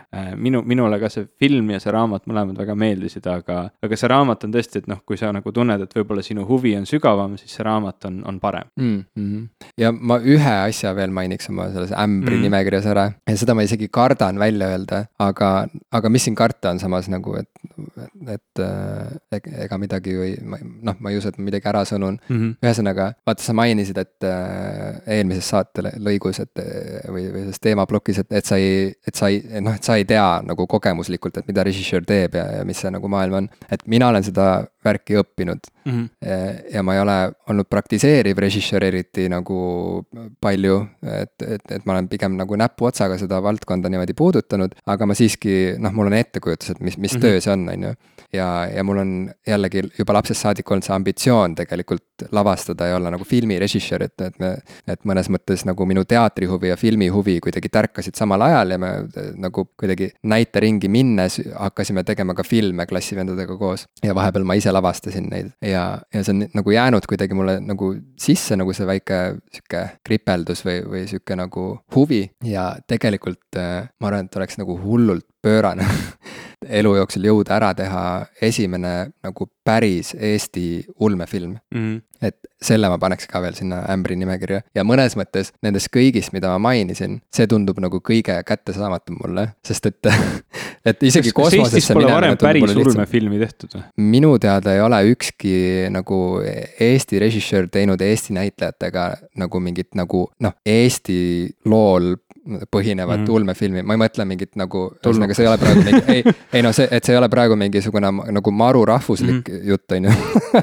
Vaid, vaid ma mõtlen lihtsalt seda, et, et, et, et muidugi nagu noh, ma ei tea, Stalker on nagu filmitud, on ju mm, -hmm. näiteks Eestis on ju ja, ja et, et seda ju võib nimetada ka ulmefilmiks nagu vähemalt osaliselt ja no, et, et eks siin on nagu ääri-veeri mingeid, mingeid riivamisi on olnud, aga, aga noh sihukest nagu Eesti režissööri tehtud nagu Eesti ulmefilmi ei ole tehtud kunagi. et noh, meil on mõned õudusfilmid võib-olla kuskilt kataloogist mm -hmm. nagu mhm. võimalik välja tirida äh, arhiivist, et, et sihuke žanrifilm pigem on äh, Eestis nagu kahtlane sihuke värk, on ju, et tehakse autorikino ja siis tehakse sihukest nagu äh, väga laiale vaatajaskonnale mõeldud komöödiat yeah,. Yeah. Need on need nagu kaks eri äärmust põhimõtteliselt, et põhimõtteliselt autorifilm automaatselt juba tähendabki draamat, on ju, et, et siis ongi nagu draama ja komöödia on nagu need siuksed kaks asja, aga yeah.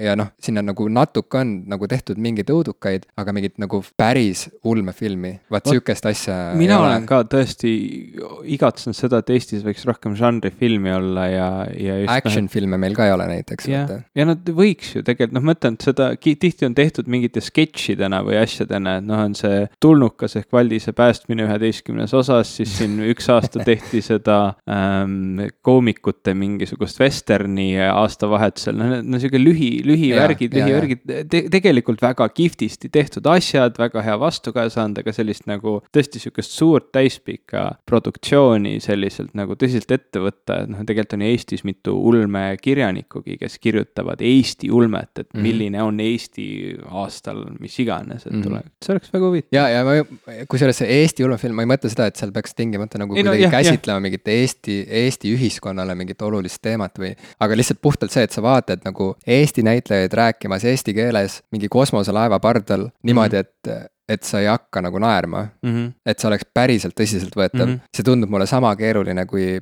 noh, teha mingit Eesti action filmi niimoodi, et Marko Matvere ja Mait Malmsten hüppavad mingist autost välja ja nagu ma ei tea, lasevad mingi tanki õhku nagu. ja sa nagu ei, ei hakka muigama selle peale mm. -hmm. et vaid võtad nagu, et vau wow,, kui äge, et nagu sama äge kui see, kui Bruce Willis seda teeb, vaata ja see mhm, tundub mm -hmm. nagu võimatu tegelikult. sest me oleme lihtsalt nii väike küla, me nagu kõik yeah, teame yeah. üksteist, tundub võimatu nagu teha see, see hüpe nagu oma fantaasias või ette ettekujutuses, et, et ma nüüd nagu korraks päriselt nagu lasen endale uskuda, et Mait Malmsten nagu, ma ei tea, suudab mingi kolm tanki õhku lasta ja nagu, ma ei tea, kaks naist kaenlas nagu hüpata mingi kalju pealt alla nagu, et umbes päästa neid see tundub nagu fucking unreal, vaata.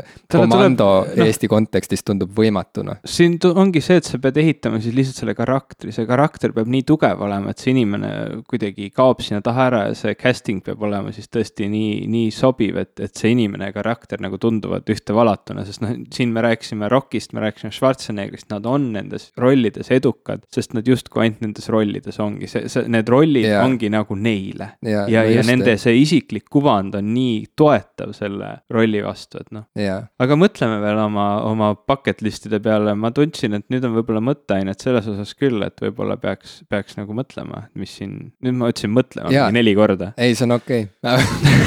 on okei okay propageerida mõtlemist aga siit ka üleskutse kuulajatele kuulajatele tegelikult, päriselt oleks väga huvitav kuulda, et mis ja. on teie nagu ämbri nimekirja siuksed nagu põhilised äh, komponendid, miks ma seda nii keeruliselt ütlesin? mida te tahaksite jõuda elu jooksul ära teha, kui see ei ole nagu liiga piinlik ja isiklik, et seda jagada niimoodi kõigiga. me tõesti huviga loeks kas oma mailbox'ist popkulturistid.gmail.com või oma Facebooki lehelt või Twitterist, ühesõnaga igalt poolt. ja kui ka on isiklik ja piinlik, siis te võite seda lihtsalt niimoodi natukene intellektuaalsemalt äh, sõnastada, et tahan, tahan olla intiimsuhtes näiteks Mariah Carey'ga. Või meiega. või meiega näiteks. mis on nagu väga tõenäoline tegelikult, ma arvan, et nagu Äh, ma arvan, et see, see on valdav nagu, ma arvan, et see on see siduv element meie kuulajat, kuulajaskonnas üleüldse, et. Nad tahavad olla et see on sihuke nagu seksipõhine kuulamine. kuulamine tegelikult. ma ei tea, kuulate te meid voodis või? kas sa praegu katsud endale seda, seda osa kuulata? kirjuta meile. ja kohtume järgmine kord